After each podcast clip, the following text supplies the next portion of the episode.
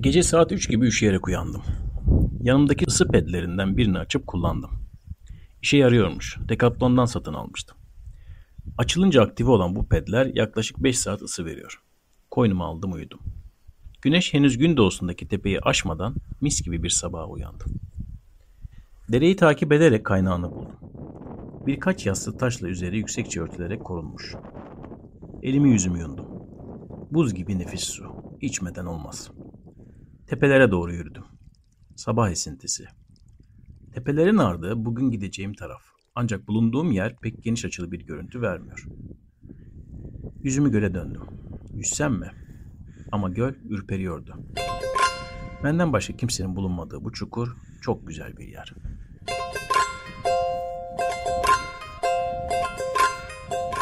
Dik yerlerde dikkatli, diğer yerlerde sekerek berrak pınara doğru indim. Bir daha içtim leziz sudan. Kampımın bulunduğu yere yaklaştım. Bu defa bitki örtüsüne daha dikkatli baktım. İlk bakışta basit bir çayırmış gibi görünen arazi, çeşit çeşit bitki barındırıyor aslında. Taş kıranlar, köpek otları, sığır kuyrukları, çalba otları. Bu yazıyı yazarken yaptığım araştırmalardan bu bitkilerin birçoğunun şifalı olduğunu öğrendim. Bir avuç sarı leblebiyle kahvaltımı yaptım. Motorun zincirini yağlasam iyi olacak. Arazinin neyimden ötürü arka tekeri boşa alamadım ama zorla da olsa döner durumda. Zincir spreyimin kafası bozulmuş. Püskürtmüyor. Akıtıyor sadece. Zincir epey kuru. Yağı elime boca edip ellerimle olabildiğince yedirdim zincire. Cincik gibi bir hava. Dün akşam geldiğim yoldan göl kıyısında göle baka baka sürdüm. Gölün kıyısından ayrılınca yüzümü güney güneybatı yöne döndüm. Biraz ileride birkaç yayla evinin olduğu yere geldim. Navigasyon beni yine olmayan yola soktu. Geri döndüm. Evlerin arasından çıkmadan solumdaki çeşmede büyük naylon su bidonumu doldurdum ve biraz daha su içtim. Bu sefer navigasyona değil, gözüme güvenip aşağıdan devam eden yolu takip ettim. Güzel bir toprak yol. Hemen başındaki solda yamaçtaki evden çıkan bir çobanı görünce durup hem Geyik Dağları istikametini sordum hem de ayaküstü biraz sohbet ettim. Uzakta bir keçi sürüsü var. Keçilerin durumu, kaçının teki olduğuna ilişkin kısa bir sohbet. Sonra devam ettim. Biraz ileride durup baktım. Sağımda genişçe bir düzlük ve ileri sıra dağlar. Dağların duldaları hala karlı. Bulunduğum yerle dağların arasındaki yeşil düzlükte benimle aynı yöne giden keçi sürüsü bir katar misali yürüyor. Motordan indim. Birkaç fotoğraf çekmek ve video kaydetmek için. Keçilerin kiminin boyundaki çan sesleri oğlakların melemelerine karışıyor. Sesi hiç eksik olmayan rüzgar keçilerin uzun ve parlak kıllarını dalgalandırıyor. Çoğu siyah, azı beyaz, kimi bal renkli, kimi çok renkli keçilerin kılları ışıl ışıl. Keçiler meraklı. Yiğit bir tanesi sürüden ayrılıp bana doğru seyirtti. Boynusuz olan bu yiğit önce duraksadı. Sonra baktı, çömelmiş hareketsiz duruyorum. Ve çoğunlukla içimden olsa da tatlı tatlı çağırıyorum. Merakını gidermek için yanaştı. Ardı sıra birkaç tanesi daha cesaretlendi. Derken sürünün neredeyse yarısı önümde toplaştı.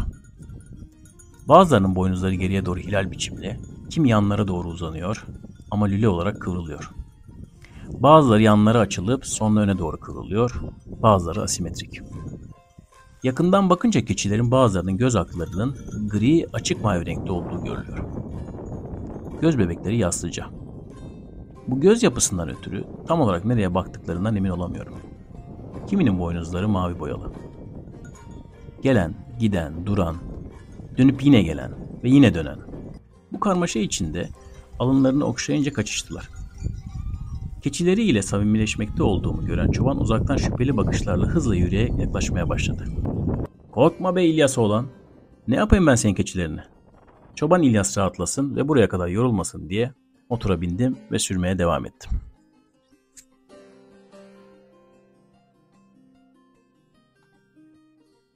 Hayatımın en güzel keçilerini Karataş'ta gördüm. Birbirinden güzel, sağlıklı ve gürbüz görünüşlü. Gerek yerden yukarı, gerek baştan kıça, ne çok kısa ne uzun, Upuzun düz parlak kıllı, bembeyaz, bal rengi, siyah, alaca keçiler. Her akşam birkaç ayrı sürü dedemlerin evinin önünden hızlı adımlarla tozu toprağa katarak geçerdi. Munzur Vadisi'ndeki dağ keçilerinin fotoğraflarını görüyorum kimi zaman. Onlar keçiden başka yaratıklar gibiler. Çok güzeller. Toroslarda kimi yerde dağ keçilerine geyik diyorlar. İrliğinden belki. Haberlerde okuyorum ki ihaleyle dağ keçilerini avlatıyorlarmış ülkemizde. Neden? Sağdaki dağ sırasına doğru uzanan düzlük taş, kaya dolmaya başladı. Yol sağa kıvrıldı.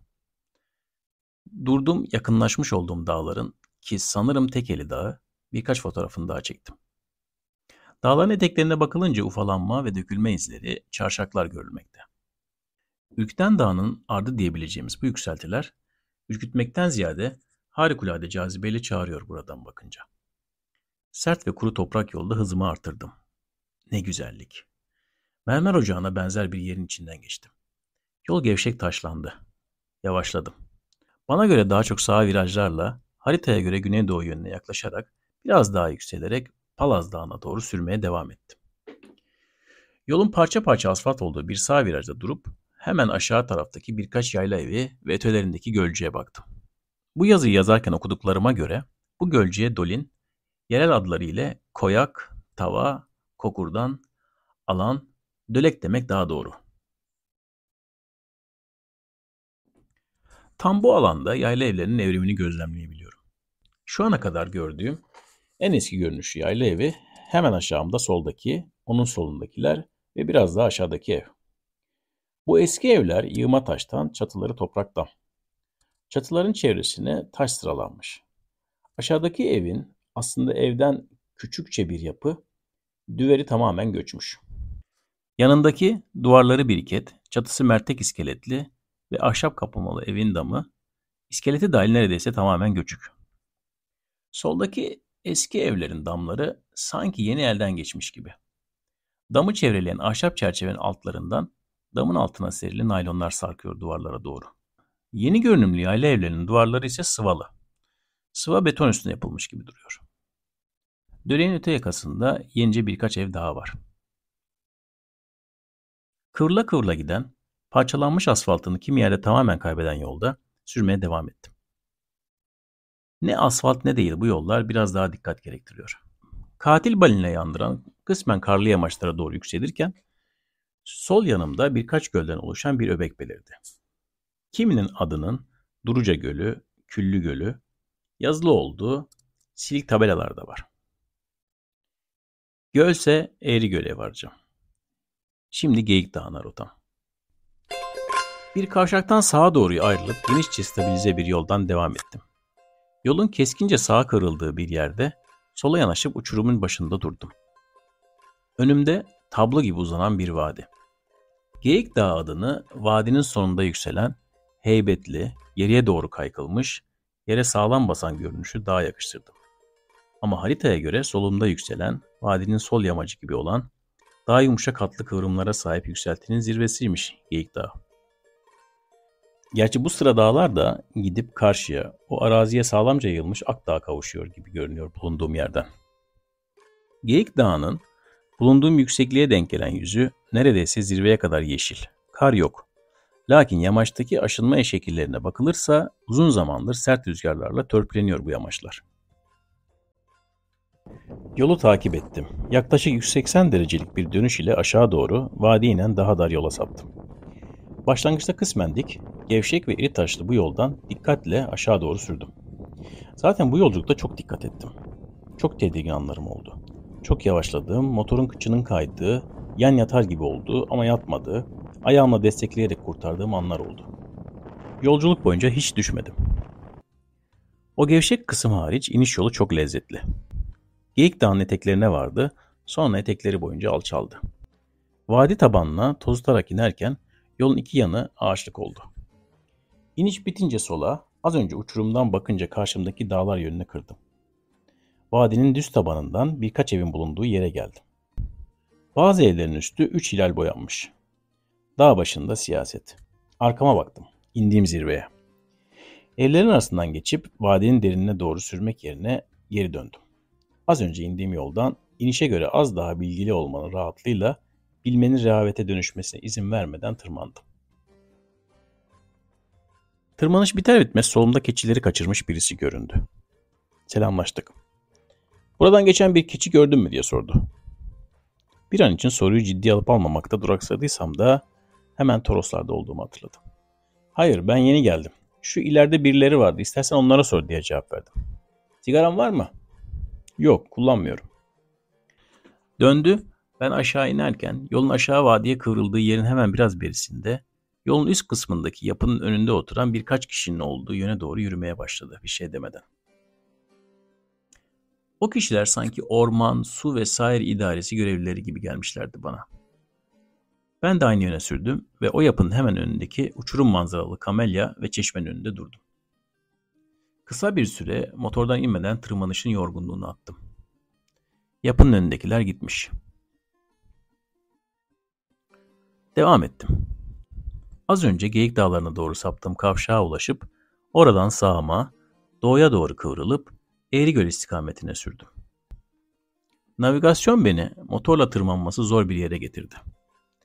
İnip sık sık yaptığım gibi üşenip kaskımı çıkarmadan tepeye doğru yürüyerek bir keşif yaptım.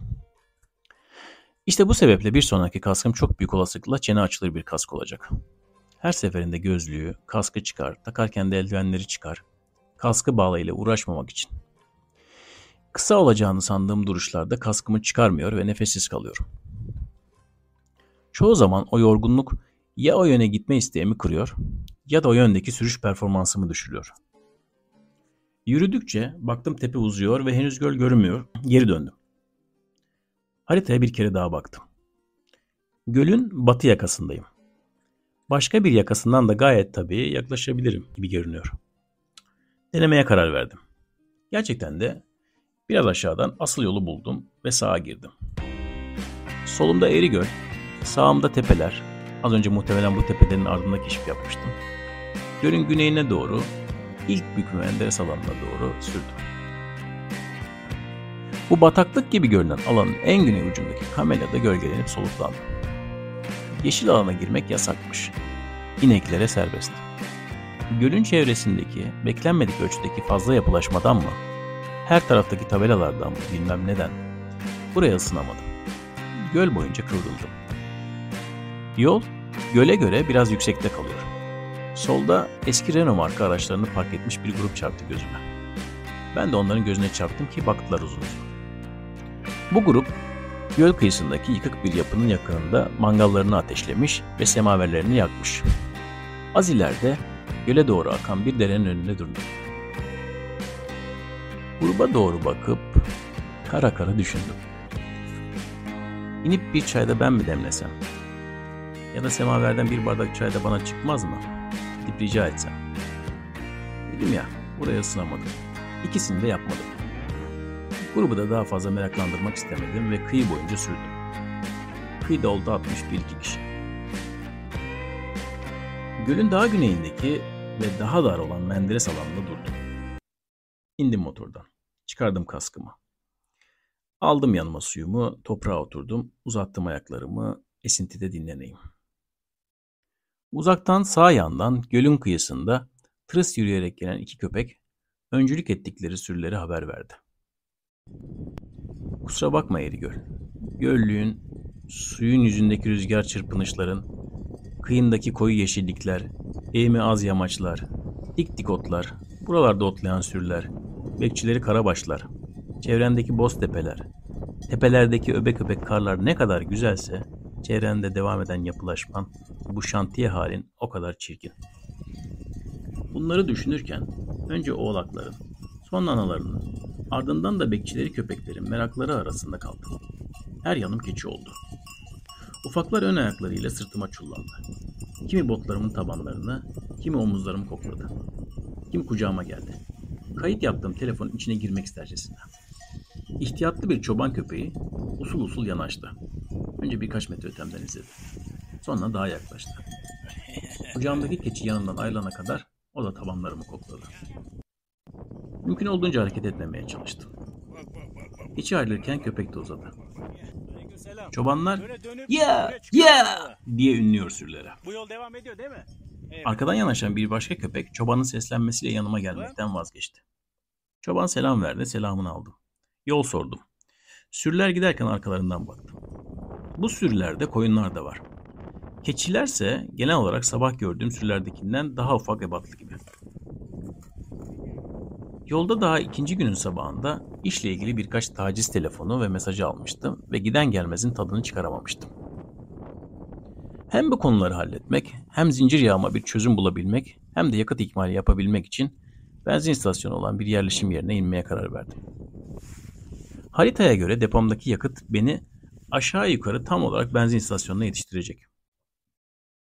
Eğrigöl'den ayrılır ayrılmaz solda çarpıcı şekilde dikkat çekici ve güzel, enteresan şekilde sivri çıkıntılı kayalıklardan oluşan tepelerin önünde kırılan daracık ve bozuk yoldan geçtim. Bir an için bir başka gezegendeymişim gibi hissettim. Sol cihet Tanrı Dağları, sağ cihet Avsallar Yaylası. Genişleyen, hafif rampa turuncu toprak yolda açılan sağ yanımdan esen sert rüzgar altında sürmeye devam ettim. Orta Asya'dayım sanki. Sol yöne uzak uçulsa savaşçı İzork kavimlerinin yurdu olan Bozkır civarı. Birkaç gün içinde birkaç defa Isparta, Antalya, Konya sınırlarına girip çıkmak ilginç düşündürüyor. Küçük Hisarlık ve Büyük Hisarlık yaylalarının arasından dolana dolana inen tozlu topraklı yoldan Büyük Hisarlık yaylasına ulaştım. Gözlemime göre bu bölgelerdeki tipik bir coğrafya ve insan yerleşimi. İki yanı çok yüksek olmayan yamaçlar, yamaçlara serpiştirilmiş yayla evleri, yamaçların arasında suyun biriktiği, aktığı bereketli dar bir düzlük ve burada ekim dikim otlatım faaliyeti. Sarı çiçeklerin dalgalandığı yeşilliğe bir göz atıp sürdüm. Devam ettiğim yol beni Hadim'e getirdi. Dağdan kıra inerken tezenenin vuruluşu değişti. Yakıtımı aldım. Sanayi ya da motorcu gibi bir yer sordum. Tarif ettikleri yeri buldum. Bazen ummadığınız yerde olabilecek en güzel hatta hayal etseniz olmayacak şeyleri bulursunuz.